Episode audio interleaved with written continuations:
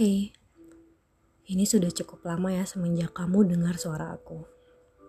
Kamu, iya, mendengarku dan iya kamu juga. Well, kali ini aku mau menceritakan atau sederhananya membahas tentang buku yang pernah aku tulis. Sebuah buku yang sudah sulit untuk ditemukan. Sebuah buku yang telah lama ia benci. Jadi aku pernah menulis untuk seseorang yang menurutku untuk kali pertama, aku dibuatnya jatuh cinta. Untuk kali pertama aku mencintai seseorang dengan begitu kuat. Sebuah buku yang bahkan ku berjudul lengkap dengan nama aslinya dan dari mana ia berasal. Sebagian mungkin sudah tahu itu.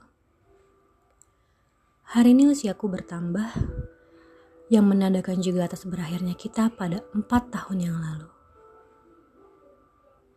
Empat tahun, bukan waktu yang sebentar.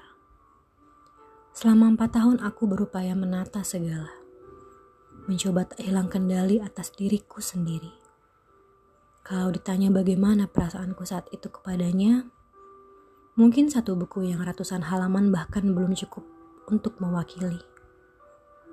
Aku mencintainya. Ya, aku mencintainya meski pada akhirnya aku terluka karenanya.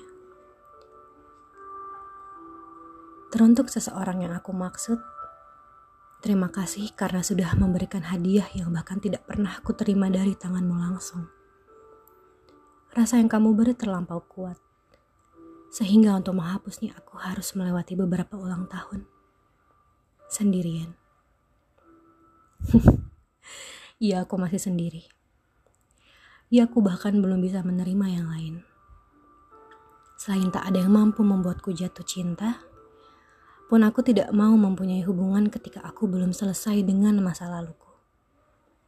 Iya, aku mencintaimu. Meski aku yakin perasaan itu telah selesai.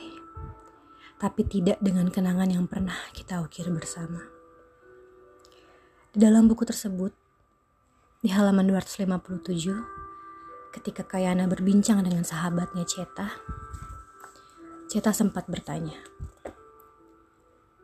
Aku tahu kamu masih sakit. Benar kan? Kayana menjawab dengan suaranya yang paling lirih.